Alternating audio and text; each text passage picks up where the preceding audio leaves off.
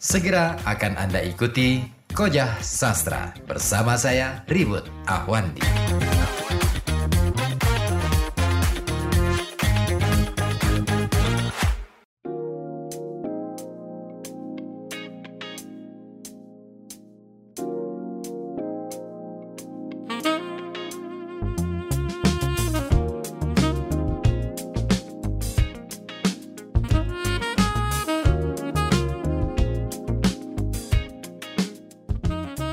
Assalamualaikum warahmatullahi wabarakatuh. 75 tahun Indonesia Majulah bangsaku Jayalah negeriku. Ya selamat malam kawan. Apa kabar anda malam hari ini? Ya semoga saja kabar bahagia selalu untuk anda. Dan kawan Kemerdekaan bangsa Indonesia ini telah dikomandangkan pada tanggal 17 Agustus 75 tahun silam. Gemanya masih terasa sampai hari ini. Bahkan setiap kita mendengarkan suara dari Bung Karno saat membacakan naskah proklamasi, selalu saja ada getaran yang dapat kita rasakan. Nah, bahkan kita bisa saja sampai merinding dibuatnya. Nah, kira-kira apa sih yang membuat getaran itu terasa begitu dalam?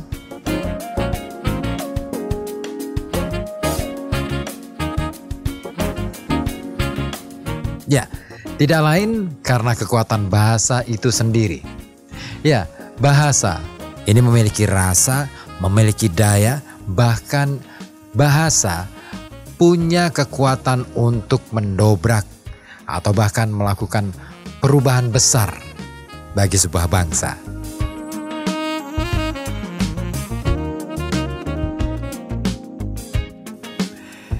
Dan kalau kita cermati secara seksama ini kawan, naskah proklamasi itu memang memiliki daya. Karena diksi atau pilihan kata yang digunakan sudah sangat tepat. Sehingga di dalam pengucapannya pun menjadi mudah dimengerti.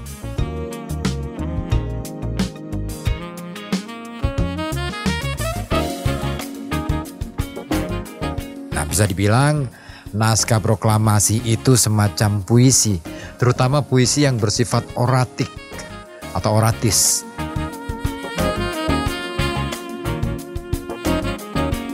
Nah, agar kita bisa merasakan getaran itu, ada baiknya kita simak terlebih dahulu tayangan berikut ini.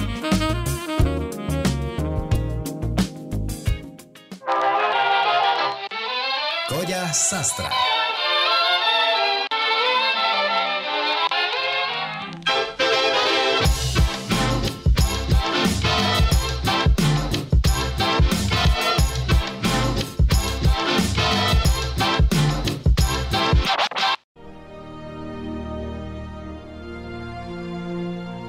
Proklamasi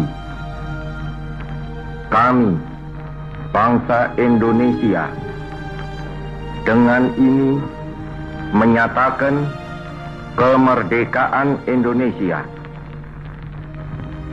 Hal-hal yang mengenai pemindahan kekuasaan dan lain-lain diselenggarakan dengan cara saksama dan dalam tempo yang sesingkat-singkatnya.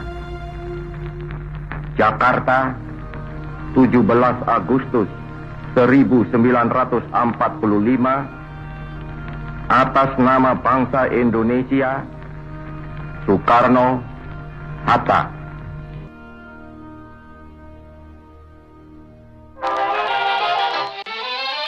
Sastra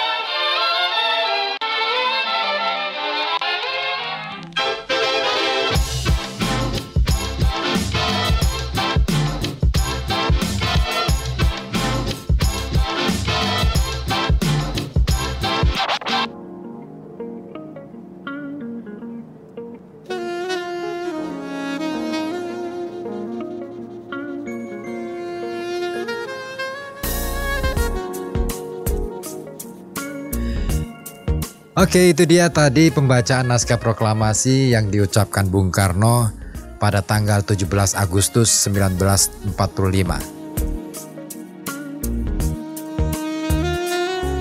Nah, Pembacaan naskah proklamasi ini dilakukan di kediamannya pada waktu itu di Jalan Pegangsaan Timur nomor 56 Jakarta.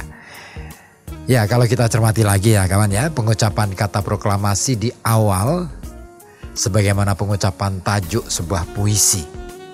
Ya karena pengucapan kata ini oleh Bung Karno sengaja dijeda tentu untuk memberikan kesan bahwa yang tengah ia sampaikan adalah sebuah maklumat sebuah pengumuman yang sifatnya sangat penting, sangat krusial bagi bangsa Indonesia.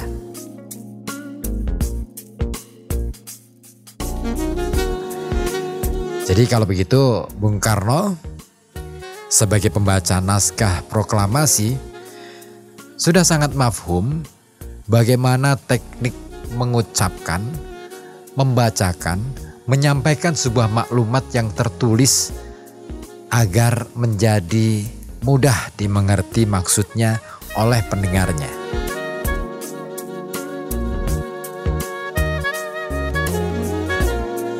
Dengan kata lain, beliau adalah orang yang sangat memahami bagaimana bahasa mesti diucapkan. Memang bahasa di dalam tulisan agak berbeda dengan bahasa ketika diucapkan. Bahasa tertulis tentu nilai rasa itu bisa dikatakan hampir tidak ada. Karena nilai rasa akan sangat bergantung pada saat siapa yang membaca. Pada siapa yang membaca dan dalam kondisi apa pembaca itu tengah membaca teks itu. Bingung ya? Ah gini maksudnya teks yang sama mungkin bisa berarti yang lain ketika si pembacanya berbeda. Atau pembacanya sama, ketika situasinya berbeda, maksud teks itu bisa jadi berubah ketika situasinya berubah. Gitu. Oke, kita pada edisi khusus kemerdekaan ini Koja Sastra sengaja mengetengahkan tema ngulik naskah proklamasi.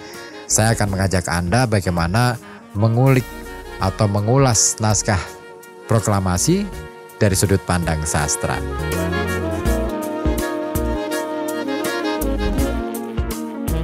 Ya, tadi kita sudah sebutkan bahwa pembacaan proklamasi atau pengucapan kata proklamasi di awal itu menunjukkan seolah-olah Bung Karno tengah membaca puisi atau membaca tajuk puisi. Kita masuk ke baris berikutnya. Pada baris berikutnya, tercetus sebuah pernyataan identitas. Kami bangsa Indonesia. Ya, kalau kita cermati dan kita ulang-ulang pembacaan kami bangsa Indonesia. Coba kita amati lagi, kita rasakan betul bagaimana getaran uh, kata yang dimunculkan di dalam untayan kata yang menjadi satu kalimat utuh kami bangsa Indonesia ini bisa dikatakan sebagai pernyataan sikap, yaitu sebagai pernyataan bahwa bangsa Indonesia itu adalah kami.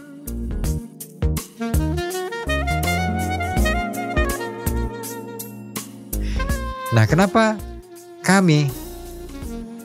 Karena yang dihadapi oleh bangsa Indonesia, pengumuman ini atau proklamasi ini tidak hanya ditujukan kepada sesama bangsa Indonesia, tetapi juga untuk dunia.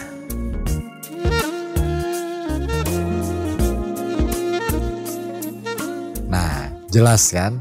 Sehingga bangsa Indonesia pada naskah proklamasi itu sedang mengumumkan sesuatu atau memaklumatkan sesuatu yang penting Nah, kami bangsa Indonesia. Jadi selain sebagai pernyataan identitas juga nih kawan ya, pernyataan ini uh, pernyataan ini sekaligus sebagai penegas bahwa yang menyatakan adalah perwakilan suatu entitas bangsa yang bernama Indonesia. Dan lewat pernyataan ini pula bisa kita pahami bahwa keberadaan bangsa yang dinamai Indonesia itu sudah ada sejak sebelum proklamasi dikumandangkan.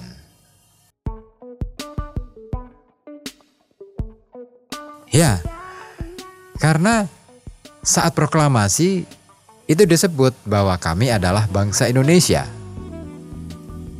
Jadi bangsa Indonesia sudah lahir sebelum proklamasi itu hadir.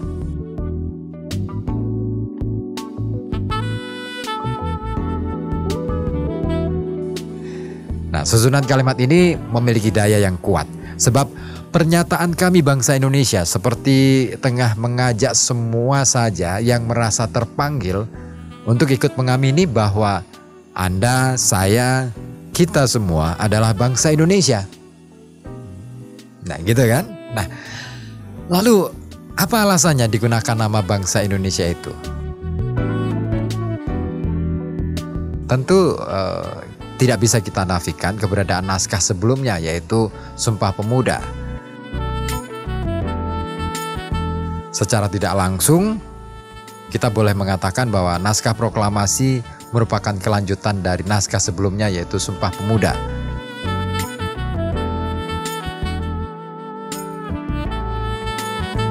Dengan kata lain, proklamasi merupakan periode sejarah dari kelanjutan sejarah-sejarah sebelumnya, deret panjang perjalanan sejarah bangsa Indonesia. Dan keduanya tidak bisa dipisahkan begitu saja.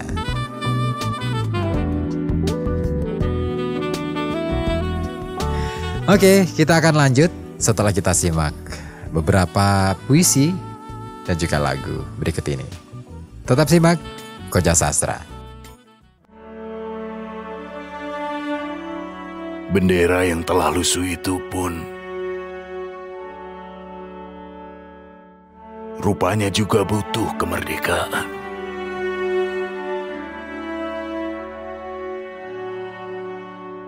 Tak ingin sekedar jadi pajangan setiap kali tujuh belasan.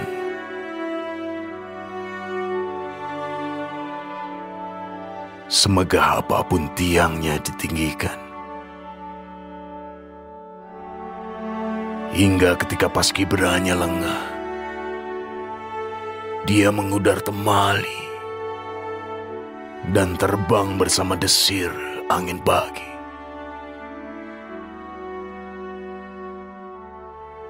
Lihat, itu bendera yang paling berani, kata anak jalanan yang tengah mandi di kali. Bendera macam itulah yang patut kita hormati. Mereka memberi penghormatan yang jauh dari seremonial upacara. Wah, itu bendera yang paling seksi. Kata seorang pelacur yang belum sempat berpakaian di jendela apartemen sang pelanggan. Pelacur itu memberi penghormatan dengan sisa kehormatan yang penghabisan.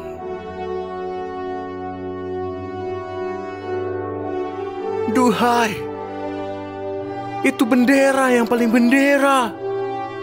Kata seorang penyair kepada sekuntum bunga yang tengah ia rayu untuk membocorkan rahasia tentang embun yang membasahi kelopaknya.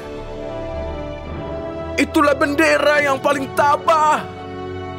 Teriak pimpinan demonstrasi yang nyaris menyerah menuntut hak-hak buruh kepada pemerintah. Halah, itu bendera paling tak penting. Ujar pimpinan Ormas garis keras yang biasa mengkafir-kafirkan perbedaan identitas.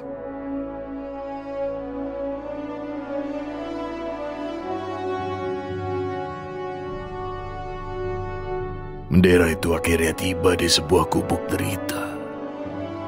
Yang dalam tangisnya pun tak berani bersuara. Inilah bendera yang kita tunggu. Bendera yang kukibarkan dulu. Kata seorang kakek renta. Dengan hembusan nafas terakhirnya.